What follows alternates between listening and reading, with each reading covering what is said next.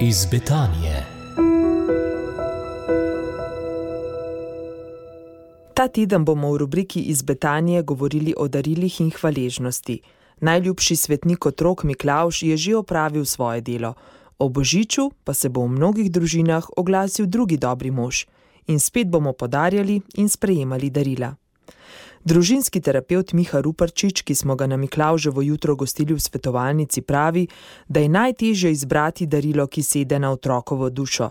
Včasih otroci v očeh staršev odreagirajo nehvaležno. Kako postopati takrat? Miha Ruparčič. Včasih je občutek, da je največja težava darila finance, ne? se pravi finančne zmožnosti in omejenosti. Uh, ugotavljam pa, da največja težava je izbrati primerno darilo, je izbrati tisto darilo, ki sede na otrokovo srce, na otrokovo dušo in kaj bo s tem. Se pravi, darilom počel. Eh, Zadnjič sem bil na enem uh, kongresu, spletnem v Združenih državah, in je eh, terapeutka Tina Pajne Bryson, ona je tudi pis, piska, so tudi njene knjige v slovenščino prevedene, vzgoja brez drame, celostni razvoj otrokovih možganov, in je povedala iz svojega življenja, zgodbo, bil je Božič in se pravi, bila so božična darila. In ona je rekla, jo, jaz pa nočem to k temu materializmu vzgajati, ampak včasih pa čist pomagati ne morem, ne? pa mal preveč pripravim tudi v mojih očeh. In potem uh, ona ima tri sinove uh, in eden sedemletnik je odvijal darilo, pa je veliko dobil, potem vidi, da je ta otrok žalosten. Ne? Pa pravijo, da si žalosten. Pa pravijo, ne, ne, mami, vse je v redu, vse je v redu. Ja, prav, ampak uh, veseli ljudje ne izgledajo tako kot ti. No, potem je pa le začel malo hlipati. Uh, pa je mami rekel: Veš, jaz si nisem tistega želel. Aha, kaj pa si si želel? Pa, pa je pokazal, da si je želel enega majhno figurco. Se pravi, mogoče za 3 dolarje, tam pa ne vem, je dupo za 200. Tukaj smo tudi mi, starši, v eni izkušnjavi, da bi začeli, ja, pa poglej, koliko si dubu, pa bo hvaležen, pa sosedov še toliko ne dobi, pa smo hitro prlačni v Afriki, ki se moriš dobijo. Ne? In je rekla, no, mi je uspelo videti njega v tem smislu, poglej, če si nekaj nisi dobil, kar si si želel, si razočaran. To je normalno, lahko si razočaran in tle pa obrat, ne, ki je važen tudi stadišča naših možganov, kar vemo.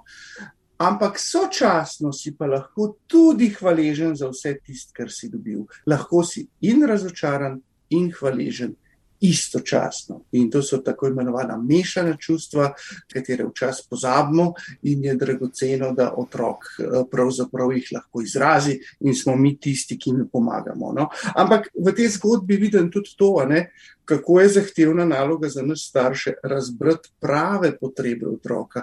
Bo tudi otrok čutil, da je bilo darilo iz poznavanja njega dano.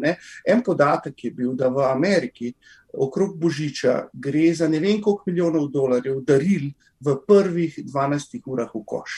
Zato, ker ne odražajo lastnosti osebe, ki je darilo prejela, kar pomeni, da ga slabo poznamo. Da včasih eh, bi lahko dali darilo vem, za 10 evrov, pa bo odražalo to osebo, ne vem, nek glasben CD, ali pa darilo za 100 evrov, ki je popolnoma mimo. Tle se mi zdi najtežji del, koliko se poznamo.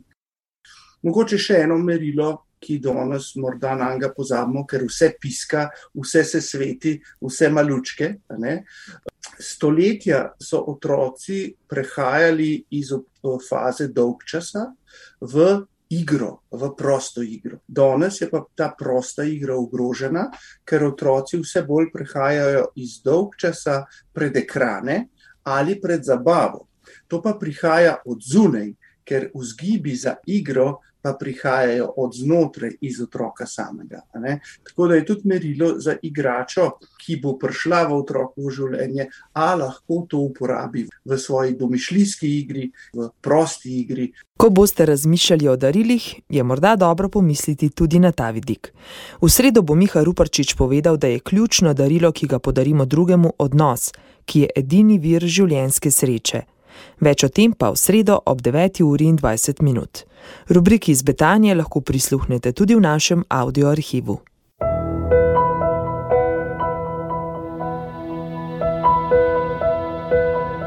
Iz Betanje.